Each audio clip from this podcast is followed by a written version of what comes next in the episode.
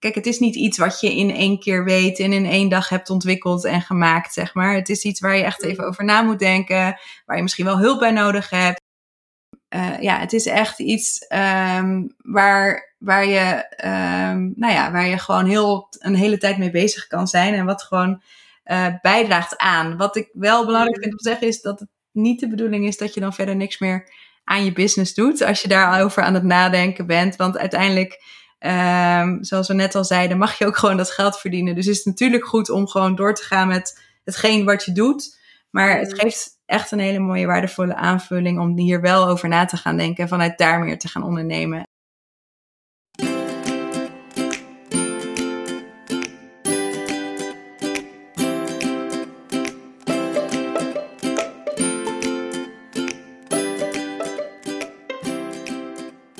Hey, wat leuk dat je luistert naar de Blooming Stories podcast. De podcast voor purpose-driven ondernemers die willen floreren in hun werk en hun leven. We delen alles in deze podcast, van hoe je een ijzersterke brandingstrategie neerzet tot de werking van je brein, van onze persoonlijke successen tot onze grootste struggles. Dit alles zodat jij kunt floreren, elke dag.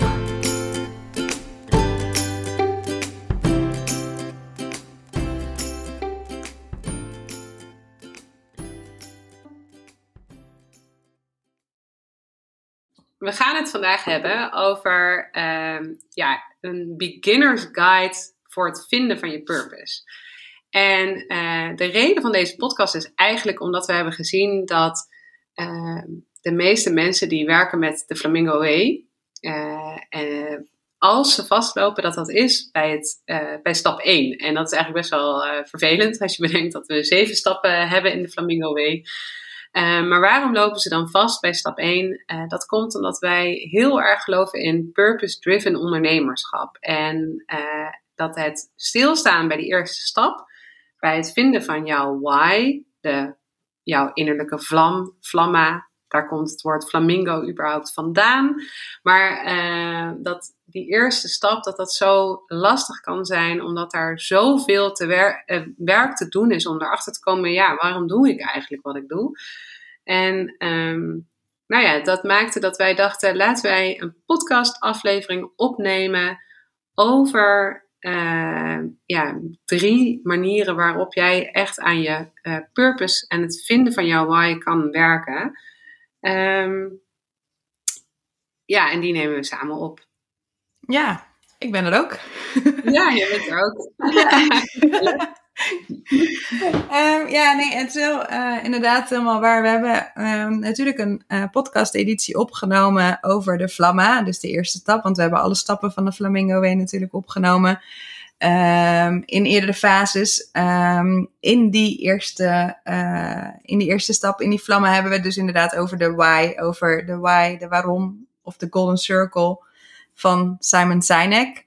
En um, voordat we naar die drie stappen toe gaan, wil ik nog heel even kort uh, aangeven, mocht je die, die aflevering niet hebben geluisterd of überhaupt uh, niet eerder van Simon Sinek en de Golden Circle hebben gehoord, van wat houdt dat nou precies in? En vooral ook van waarom is dat dan belangrijk voor mij en mijn bedrijf om daar uh, achter te komen. Um, en wat de boodschap is van de Golden Circle, is dat uh, je niet wil dat mensen kopen wat jij hebt, maar dat mensen willen dat, dat, jij, dat zij hetzelfde geloven als wat jij gelooft. Want dan wordt het pas heel aantrekkelijk om iets van jou te kopen.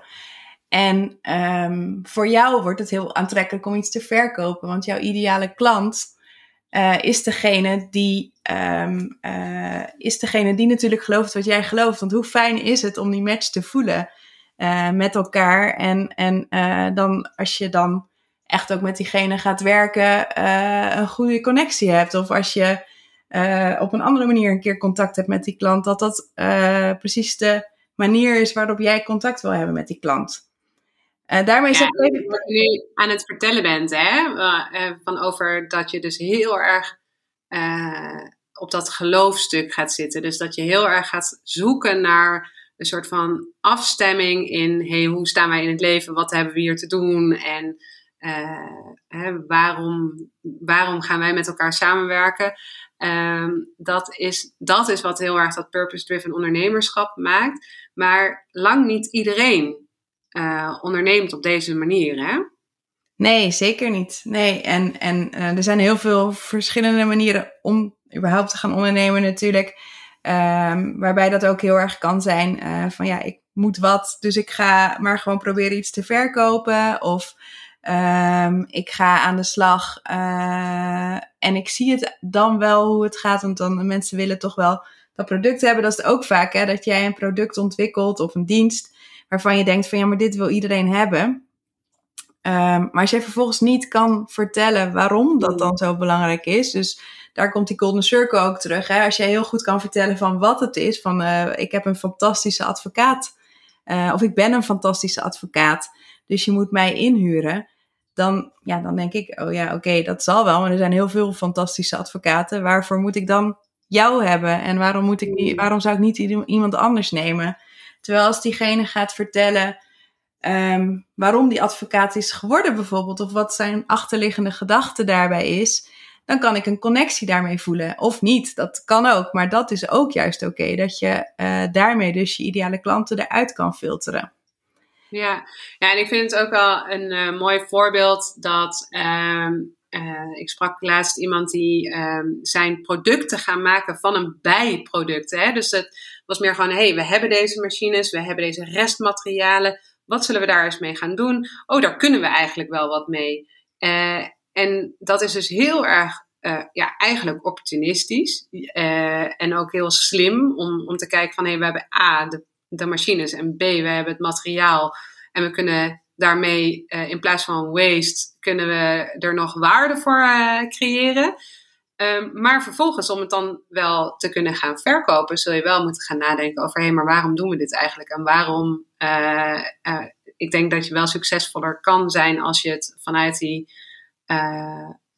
why kan gaan verkopen. En ik vond het belangrijk om dit even als een soort van uitstapje te maken van ja, niet iedereen hoeft vanuit een uh, heel erg dat purpose-driven ondernemerschap te werken. Dat, dat het niet een soort van standaard is. Maar wat wij wel zien bij Blooming Stories, en ook als je dus naar deze podcast luistert en je hoort de interviews van andere mensen of je hoort onze eigen uh, verhalen daarin, dat het eigenlijk altijd wel purpose-driven ondernemers zijn. Maar dat komt heel erg omdat wij daarvoor kiezen en omdat het dus ook onze eerste stap is in de Flamingo Way, waar we uh, al onze klanten in begeleiden. Uh, maar ik vond het belangrijk om even bij stil te staan dat het dus niet per se hoeft. Dus als je hier naar luistert en je denkt van, uh, wat, wat moet ik ermee? Ik wil gewoon brood op de plank. ik wil, daarom doe ik dit. Nou, dat kan, dat is prima. Uh, maar laat ons je dan wel inspireren met uh, wat er zo waardevol is om wel vanuit die why te gaan werken. Ja, nee, daar heb je helemaal gelijk in. En dat kan zeker. En ik denk um, um, dat het purpose-driven stukje um, en dat geldt misschien ook niet voor iedereen, maar als ik naar uh, mezelf kijk en, en naar de mensen om ons heen, inderdaad, nou, naar jou natuurlijk sowieso ook, maar ook de andere mensen om ons heen waar wij veel mee werken en uh, die wij dus inderdaad in onze podcast bijvoorbeeld uitnodigen, dat het uh, een stuk meer um, ja, waarde voor mij in ieder geval zelf geeft, een stuk meer voldoening um, om vanuit daar te kunnen werken en niet alleen omdat ik geld nodig heb. Want laten we eerlijk zijn, dat hebben we uiteindelijk allemaal. Dat is hoe de maatschappij mm. in elkaar zit. Mm. En, um, en dat mag ook gewoon. Um, maar het geeft wel heel veel extra waarde om vanuit um, ja, mijn waarom te kunnen werken. Dus ik, uh, ik hoop inderdaad, zoals, uh, zoals je net ook al zei, uh, dat we daar gewoon heel veel mensen mee kunnen inspireren om daar naar op zoek te gaan en vanuit daar verder te werken. Ja, en daarom bedachten we van nou laten we een soort van beginners guide maken. En jij hebt uh, drie manieren bedacht waarop mensen hier heel concreet mee aan de slag kunnen gaan. Ja, zeker. Um, ja, ik ga beginnen gelijk uh, met de eerste uh, manier. En de eerste manier om te gaan nadenken over van ja, waarom doe ik nou eigenlijk wat ik doe? Wat ik doe, is om te denken van um, wat zijn nu in mijn leven de vijf grootste veranderingen geweest? Um, ik heb zelf die oefening ooit gedaan op een training die ik volgde. Ehm, en die, die, die uh, oefening heeft nog steeds voor mij echt een hele grote indruk achtergelaten en heel veel betekent in mijn zoektocht naar mijn waarom. Um, en dat was omdat het eigenlijk iets is die, die, die kantelpunten zijn dat vaak bijna hè, van grote veranderingen. Ja, daar sta je, je, je, je verwerkt het misschien nog wel als het iets heftigs is, want dat kan, hè. Het kan iets heel moois zijn, uh, een kind krijgen bijvoorbeeld, of uh, uh, iemand verliezen, dat iets heel heftigs is. Um, um, maar als je, je, je, denkt daar nog wel aan en je hebt er verdriet misschien van, of juist heel veel plezier van. Um, maar door er echt bij stil te zijn van wat waren die veranderingen nou en wat betekenen die veranderingen voor mij, um, dan ga je wat meer inzicht krijgen in van oké, okay, hoe heb ik daar dan toen op gereageerd en hoe doe ik dat op een ander groot moment, zeg maar. Mm. En zitten daar overeenkomsten in en kan ik daar iets in vinden wat uh, voor mij heel belangrijk is. En, en door dat um, ja, te gaan verdiepen en voor jezelf meer daarnaar te gaan kijken, um, kan je heel veel inzicht krijgen in nou ja, wat, wat er bij jou gebeurt intern. En uh, misschien ook al wel een stap in waarom dat dan zo is en waarom je doet wat je doet. Hmm. En um, ja, ik ben ook wel benieuwd, herken je dat ook, Iris, voor jou als je daar over nadenkt? Ja, zeker. Want uh, nou ja, uh, bij mij popt er natuurlijk meteen één op uh, die nogal voor de hand ligt. Want ik heb hem inmiddels laten uh, vastleggen met een tatoeage op mijn onderarm. Uh, maar ik ben op mijn 28ste ziek geweest. de lymfeklierkanker gehad. En dat is allemaal helemaal goed afgelopen. Maar wat ik daar vooral uit heb meegenomen is het feit dat je leven echt van de een op de andere dag anders kan zijn. En ehm, dat uh, in mijn geval was dat dus door een diagnose met, van een hele heftige ziekte, waardoor ik ineens stil kwam te staan en alleen nog maar patiënt was. Um, wat mij heeft doen inzien dat uh, als je leven je niet bevalt, dat je in beweging moet komen. Um, en uh, en dat, dat je echt altijd weer opnieuw kan kiezen en dat je ja, dat je, je leven zit eigenlijk vol met second chances en de, al, elke kans die erop volgt. En uh, voor mij is dat denk ik, dat is er eentje die echt meteen binnen schiet. Die ligt heel erg voor de hand inmiddels eigenlijk ook wel. Maar is daarin ook wel echt gidsend geworden in alles wat ik daarna, uh, uh, daarna ben gaan doen. Ja, ja, en ik denk juist omdat die zo voor de hand ligt, is die ook gewoon heel groot. En, en dat is heel logisch, want het is een heel heftig mm. proces natuurlijk geweest. Um, dus, dus is dat inderdaad uh, iets waar je gelijk ook in ziet van oké, maar wat ben ik daaruit gaan doen en hoe heb ik daarop gereageerd? En um, daar zit natuurlijk ook een stukje uh, overlap in onze purpose in, dat we beide momenten hebben gehad waarin ons leven opeens heel anders was. In mijn geval was het uh, door het overlijden van mijn vader toen ik 14 was. Um, en eigenlijk hebben wat jij net aangaf, dat had ik ook heel sterk van. Um, ja, ik, ik, ik weet dat het leven zomaar voorbij kan zijn. Um, heb ik geleerd uit deze ervaring en ook een ervaring die ik daarvoor had gehad. Dus daarom wil ik het beste uh, uit elke dag halen. En ja, mm. dat is waar onze purpose natuurlijk heel mooi uh, in samen uh, komt. Um, en uh, als je dan nadenkt over andere veranderingen, zie je daar dan ook nog dat soort elementen in? Of heb je daar juist weer andere dingen uitgehaald? Nou, eentje die uh, ook heel erg belangrijk is geweest voor wat ik nu doe, uh, heeft, uh, heeft te maken met ook weer toch ook wel weer keuzes maken en regie nemen. Ehm, dus dat, dat is grappig, die link die leg ik nu ineens. Maar uh, dit was uh, nog veel langer geleden, want dit was nog toen ik studeerde. En uh, dat ik woonde toen al samen met mijn toenmalige vriend uh, in Utrecht. Hij ging voor zijn specialisatie als arts naar Maastricht verhuizen. Ik stond toen op het punt om mijn master te gaan doen. Dus het was een hele logische keuze om dan met hem mee te gaan naar Maastricht en daar een master te gaan doen. Alleen ik heb er toen toch voor gekozen om de research master die ik heel graag wilde doen aan de Universiteit Utrecht, om die gewoon te gaan doen. En daarin dus heel erg specifiek voor mezelf te kiezen en, en af te wijken van het logische pad van hé, hey, we wonen samen, dus we blijven samen. Uh, maar daarin dus te kiezen om uh, ja, die master in, in Utrecht te gaan doen. Uh, ook dus weer op kamers te gaan wonen. met vijf meiden in een huis. En dan in de, in de weekend was ik wel vaak in Maastricht. Um, en daarmee dus dat ik, dat ik echt ben gaan kijken, maar wat, wat wil ik? En, en kan ik daarmee ook afwijken van de norm? Van uh, dat je eigenlijk eerst samen woont en daarna ineens niet meer. Dus die popt bij mij ook wel weer even op. Ja, ook een mooie. En ook heel mooi dat je die link dan toch weer ziet, zeg maar, tussen die twee momenten. Van het regie pakken, inderdaad. En het verkiezen voor jezelf uiteindelijk. En maar uh, met een hele goede motivatie daarvoor natuurlijk. En um, ja, en, en ik denk inderdaad dat dat dat dat ook een heel groot moment is geweest natuurlijk. Inderdaad, als je samen woont, dan is het even wel een ding om te zeggen van, nou nee, ik uh, blijf toch hier.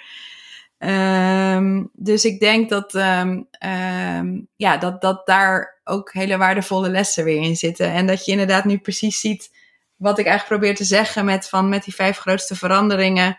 Kan je uh, heel erg zien Um, nou ja, wat een beetje een rode draad is in, in de keuzes die je maakt en waarom je die keuzes hebt gemaakt. Dus um, volgens mij um, een goede eerste uh, tip om, of een eerste tool eigenlijk om uh, eens over na te denken en uh, mee te beginnen. Ja, en ik wil daar nog een kleine aanvulling op doen. Dat het dus ook oké is dat die vijf grote veranderingen misschien ook nog een beetje aan verandering onderhevig zijn. Dus dat als je nou ja, sowieso gaat je leven natuurlijk verder, dus er kunnen nieuwe dingen bijkomen.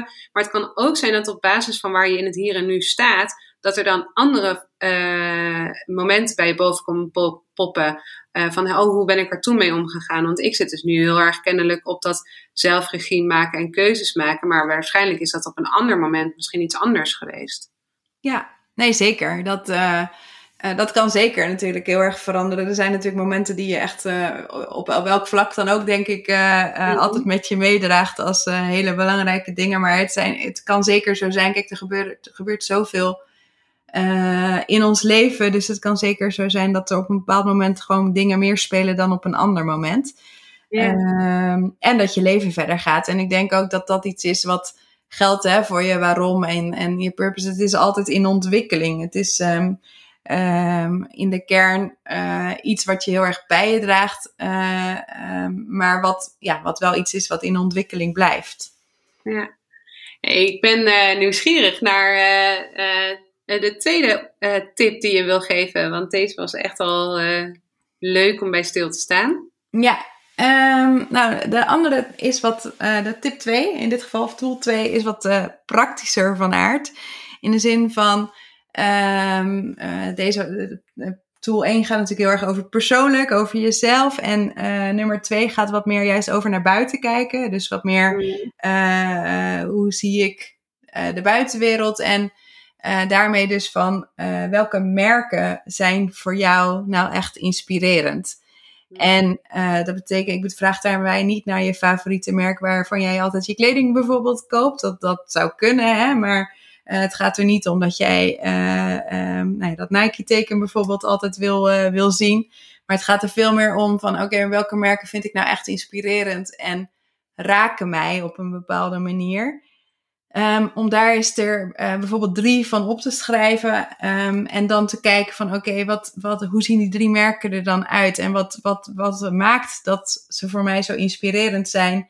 En ook daar weer in van, wat is dan de rode draad erin? Want vaak uh, als ik deze oefening doe uh, bij mensen, uh, bij klanten van ons, dan zien ze heel vaak, uh, zit er heel vaak overlap in die verschillende merken. Ik had bijvoorbeeld iemand die had een keer Albert Heijn en, of ja, Ahold dan en Randstad en Rolex. En dat zijn, dat zie je niet direct, hè, die overlap, maar als je dan echt gaat verdiepen in die merken, dus gaat dan ook echt research doen online van hoe zien die merken eruit, dan zie je dat daar wel degelijk overlap in zit. Bijvoorbeeld al alleen dat ze Um, nou ja, dat, dat, dat, is, uh, dat ze heel erg duidelijk um, A-status willen hebben. Het zijn echt statusmerken yeah. natuurlijk. Ja, Ehm, dat is ook wat er bij mij opkwam. Een beetje een soort van ehm, machtig Ja, aan, zeg maar, op het punt van de piramide. ja. Ehm, weet je ja en dat past ook heel erg bij die klant. waar deze associatie van de apenrots ook bij, maar dat ja, nee, maar het past ook heel erg bij die klant. Heel erg dat statusstukje. en Hmm. ehm, daarnaast ook wel weer, en dat is dan heel grappig, want dat zie je dan niet gelijk. eh, maar innovatie was ook iets wat heel erg duidelijk bij die drie naar voren kwam. Dat dat een heel belangrijk onderdeel was van wat zij Mm. eh, doen. En om bepaalde status te hebben, is innovatie natuurlijk ook wel belangrijk. Maar bij Rolex, ik in ieder geval, denk niet gelijk heel erg aan een innovatief merk. Maar ehm, dat zijn ze zeker wel. En dat, dat, Ja. dat eh, zijn ze nog steeds. Maar dat waren ze ook met name natuurlijk eerder al. Hmm. Dus, ehm, dus ja, dus dat, dat is een, eh, een, een tweede. En ehm, heb jij merken waarvan je denkt van nou dat is nou echt... eh, Ja. ja, ik heb hier natuurlijk al wel eens over nagedacht. En één ja, merk, ja, het is uiteindelijk, alles is natuurlijk een merk, maar eh een bedrijf wat ik heel inspirerend vind is de correspondent. Ehm, ik vind het heel mooi hoe zij eh, ja, in mijn ogen een hele eerlijke eh, journalistiek bedrijven, ehm, eh, heel bedachtzaam te werk gaan ehm, en verdiepend. Dus dat, dat vind ik echt een heel mooi merk. Ehm, en ehm, ik weet niet of, of jij het kent, ehm eh, Scenetree van Hanna Verboom. Vind ik ook een heel mooi ik. merk. ja, zij maken maandelijks een selectie van eh, films, eh, waarbij de nadruk vaak ligt op een stukje een beetje filmhuisfilms. Ook vaak met een politieke boodschap. Ja, ik vind dat, dat dus ook daar heel mooi aan. Ehm, en een derde merk, eh, en die, ligt, eh, die, die is wat eh, meer voor de hand liggend of zo, is Tony Chocoloni. Daar ben ik echt altijd, ja, gewoon sowieso echt fan van, van hoe zij hun boodschap uitstralen voor ja, die slaafvrije eh, chocola en hoe ze daar zich hard voor maken.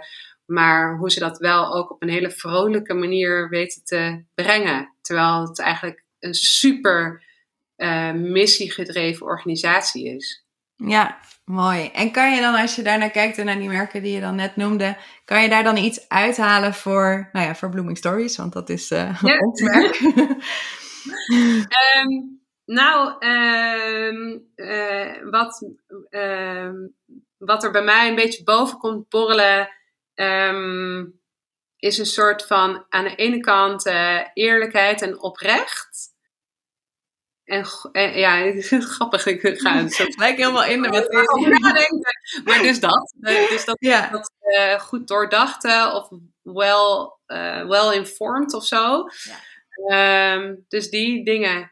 Ehm, ja, Ja, ik denk dat dat inderdaad heel... En ook het stukje ehm, wat je er ook... Tenminste, wat ik erin hoor en herken is een stukje...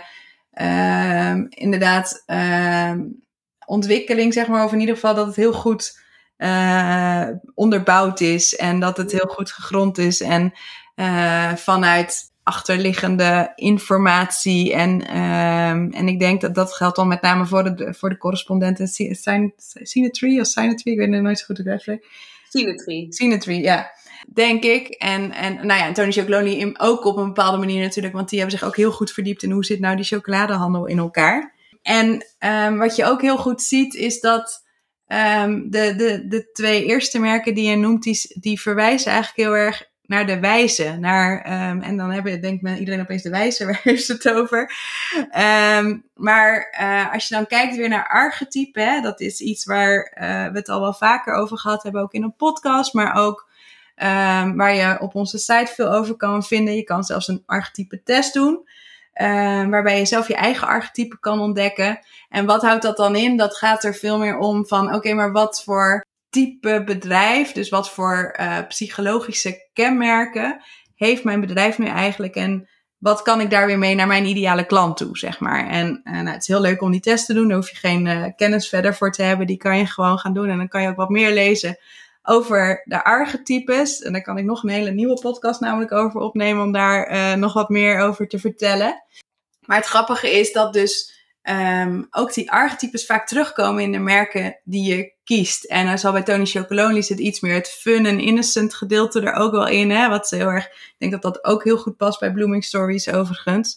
Uh, maar bij de correspondent en Symmetry zie je heel duidelijk dat de wijze uh, daarin zit. En ik noemde net natuurlijk drie merken, uh, Rolex, Ahold en Randstad. En daar zie je dus bij allemaal dat het echt de leider is, wat ook een van de archetypes is. Dus daar zie je ook weer dat de archetype overkoepelend mm. is. Ja, dus, dus dat stukje is ook nog uh, als aanvulling. En daar gaat het alweer iets meer ook naar je doelgroep toe en naar je klant toe. Maar um, die archetype is ook, ook interessant.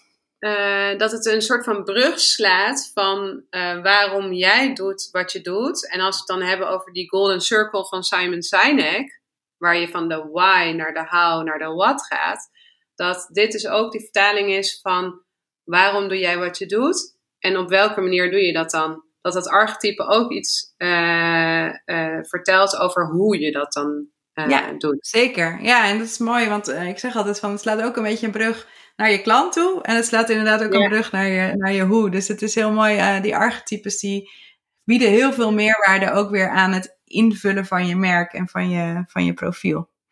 Super grappig. En, uh, want ik had uh, toen je deze opdracht gaf, die link nog helemaal niet gelegd met die archetypes. Ik dacht meer gewoon, oh, dat is leuk om te inspireren en te kijken naar wat de why is van die merken. Maar dat dus die merken vaak ook weer iets zeggen over wat voor jou belangrijk is. Dus wat jouw belangrijke waarden zijn en die weer heel erg relateren met je purpose. Ja. Het, duizelt, het is heel concreet, maar het duizelt me ook een beetje dat alles zo erg met elkaar samenhangt. Ik vind het echt ja. heel leuk. Ja, leuk. Ja, nee, dat is ook echt zo. En, uh, en dat maakt misschien ook wel dat het voor mensen soms in het begin een beetje zo'n worsteling is waar we het net al over hadden. Van oké, okay, het is ook Mm. zoveel en het komt, er komt natuurlijk heel veel in die waarom samen. En um, daarvoor is het, uh, kijk, het is niet iets wat je in één keer weet en in één dag hebt ontwikkeld en gemaakt, zeg maar. Het is iets waar je echt even over na moet denken, waar je misschien wel hulp bij nodig hebt. Uh, ja, het is echt iets um, waar, waar, je, um, nou ja, waar je gewoon heel, een hele tijd mee bezig kan zijn en wat gewoon uh, bijdraagt aan. Wat ik wel belangrijk vind om te zeggen is dat het niet de bedoeling is dat je dan verder niks meer aan je business doet als je daarover aan het nadenken bent. Want uiteindelijk Um, zoals we net al zeiden, mag je ook gewoon dat geld verdienen. Dus is het natuurlijk goed om gewoon door te gaan met hetgeen wat je doet. Maar het geeft echt een hele mooie, waardevolle aanvulling om hier wel over na te gaan denken en vanuit daar meer te gaan ondernemen. Ja. En je zal ook zien dat vanuit dat stukje, zeg maar, het floreren uh, met jouw bedrijf, um, nou ja, een stuk natuurlijker gaat. En als je nou deze dingen hebt gedaan, hè, van uh, ja, je hebt die vijf grootste veranderingen en, uh, en drie merken en nou, je, je doet een, uh, een test of je kijkt naar de rode draad. Hoe ga je dan toch echt naar, je, naar jouw why komen? Want uiteindelijk gaat het er ook om van kan je het vatten in taal en kan die, spreekt die taal ook echt voor je? Ja, nou dat is Leuk dat je dat vraagt, want dat is eigenlijk ook gelijk de derde stap, zeg maar, of de derde tip die ik uh, mee wil geven. En uh, dat is um, de Seven Layers of Why, heet die oefening. Uh, en dat eigenlijk is het zo simpel als dat het misschien wel klinkt. Um, maar het is uiteindelijk helemaal niet zo simpel als je het gaat doen. Is dat je gaat nadenken over waarom doe ik nu wat ik doe. En vervolgens zeven keer eigenlijk die waarom-vraag blijft stellen. Dus uh, waarom, nou, waarom doe jij wat je doet, Iris? Dan geef jij een antwoord. Je mag nu een antwoord geven, mag ook straks. Ja. Uh, nou ja, uh, zullen we meteen even doen? Maar ja, dit is natuurlijk uh, voor, de, voor de podcast even een beetje aan de oppervlakte. Want volgens mij, als je dit echt met iemand gaat doen, die zeven waarom-vragen, dan ben je daar wel heel lang mee bezig, toch? Met ja. het zoeken Nee, precies. Dus het was ook niet. We hoeven dat niet ook helemaal te doorlopen, maar even om het idee te geven van Ja. waarom doe je wat je Ja, doet. waarom doe ik wat ja. ik doe? Ehm, eh, eh, om, eh, omdat ik mijn werk gewoon echt heel leuk vind. Ja, en dan, dan is dus de vervolgvraag weer, en dat wordt voor degene aan wie je het vraagt op een gegeven moment heel irritant, maar waarom vind jij dan je werk heel leuk? En hoef je nu dan geen antwoord meer op te geven, nog wel, maar, dan, Ja. maar dat is een beetje het idee, zeg maar. Dus ga Ehm, eh, dat kan dus je natuurlijk zelf doen. Je wil hem echt helemaal afpellen. Dat is eigenlijk wat. Ja. Dus je gaat de hele tijd een, een laag dieper, een laag dieper, een laag dieper. Want nu zeg je van nou, ik vind mijn werk gewoon leuk. En dan is het, waarom vind je je werk leuk? Nou, ik vind het heel erg leuk om eh, voor groepen te staan eh, en mensen te coachen. Waarom vind je het leuk om voor groepen te staan? En zo ga je hem steeds verder afpellen Ja, totdat je voor jezelf echt bij een kern komt. Ja, ik ken, ken de oefening natuurlijk eh, eh, wel. Ik heb hem ooit een keer geprobeerd zelf te doen. Dus dat ik hem gewoon. Ik dacht van, ah joh, dat kan ik toch. Ik ben toch, zelf, ik ben toch coach, ik ben toch trainer. Ik kan toch wel mezelf ook die vragen stellen. Nou, vet moeilijk, want je gaat dan namelijk niet bij jezelf heel erg een soort van doortastend vragen: waarom vind je dat dan zo belangrijk? Dus ehm, eh, ik merkte dat ik dat heel eh, moeilijk vond. Ehm, ook omdat je dus op een gegeven moment door een soort van weerstand heen moet bij jezelf. Ja, ja precies. En, en dat is inderdaad, dus dat is heel goed om daar inderdaad hulp bij te vragen. Om, eh, en iemand ook te laten, ervoor te laten zorgen dat je ook daadwerkelijk antwoord gaat geven. En Mm. anders blijf je inderdaad heel snel een beetje in je eigen cirkeltje van wat je al weet. En het is heel mooi om dat te proberen te doorbreken. Ja, en dat kan je eigenlijk gewoon met iedereen doen, toch? Want in die, die ander die hoeft eigenlijk alleen maar gewoon waarom te vragen. Ja, ja en, en het is wel... een, Je eh, kan dat, ja, je kan dat natuurlijk inderdaad met iedereen doen. Het, zou wel, het is wel fijn als het niet iemand is waar je op een gegeven moment aan gaat ergeren. Want het is wel fijn als je een soort van klankbord blijft houden. Ehm, maar ja, zeker. Iedereen kan dat, eh, kan dat met jou doen. Ja, dus dat was eigenlijk de, de derde eh, eh, ja, tool of tip, hoe je het wil noemen. Om eh, aan de slag te gaan met die waarom. En ik denk dat dit drie hele mooie oefeningen zijn om mee aan de slag te gaan, om daar ook daadwerkelijk iets mee te doen. Wat ik net al zei, het is niet iets wat je in een avond hebt gedaan, Ehm, eh, maar neem hier eens rustig de tijd voor en ehm, ja, eh, laat ons ook weten wat het je oplevert, want daar ben ik wel eh, heel benieuwd Mm. naar. Ja, en als je er echt eh, dieper op in wil gaan, hebben wij ook nog een hele leuke purpose tra- training. Waarin we echt nog een stuk verder gaan in hoe kan jij nou je waarom verder onderzoeken en verder gaan ontdekken. Mooi. Als we dus aan kijken naar waar we het vandaag over hebben gehad, zijn het een aantal hele praktische tools waarmee eh jij zelf aan de slag kan gaan met het onderzoeken van je why. Zijn, wat jij net al zei, eh, gun jezelf hier ook de tijd voor. Ik vind het altijd zo mooi om te bedenken dat het eigenlijk in je onderbewuste wel een beetje doorwerkt. Eh, want inderdaad, daarover na gaan denken van wat zijn nou vijf grote veranderingen. Dat klinkt als een hele praktische opdracht. En als je ervoor gaat zitten, komt er ook wel wat. Maar juist als je dan de tijd gewoon voorbij laat gaan en je tijdens het wandelen of eh, de- terwijl je ergens mee bezig bent of als je in de auto zit, dan popt er misschien weer wat bij je op, waardoor het steeds wat helderder wordt. Ja, en vergis je niet, hè, die vijf grote veranderingen kan ook best wel intens zijn. Ik heb ook eh, klanten huilend aan de telefoon uiteindelijk gehad, omdat ze daarmee bezig waren. Weet je, dat is, Mm. het is ook iets heftigs natuurlijk. Ja, en dat geldt eigenlijk net zo goed ook voor die andere eh, dingen. Je gaat gewoon op een laag zitten werken eh, die wat verder gaat, dieper gaat dan eh, heel eh, aan, die, aan, de, aan de buitenkant een bedrijf neerzetten en dat helemaal optuigen. Want dit gaat echt over ook een, een kern van, van jezelf proberen en durven aan te raken. Waardoor je daarna dus makkelijker en moeitelozer kan ondernemen, omdat het zo erg klopt. Eh, en dat is denk ik de voornamelijke boodschap die we vandaag hebben willen meegeven. Ehm, thanks voor deze drie super mooie opdrachten waarmee iedereen aan de slag kan gaan. Eh, wij zorgen voor linkjes in de show notes naar eh, de tools die wij op onze site al hebben staan, die je hier gewoon allemaal gratis voor kan gebruiken. Ehm, en laat ons weten wat je daaraan hebt gehad.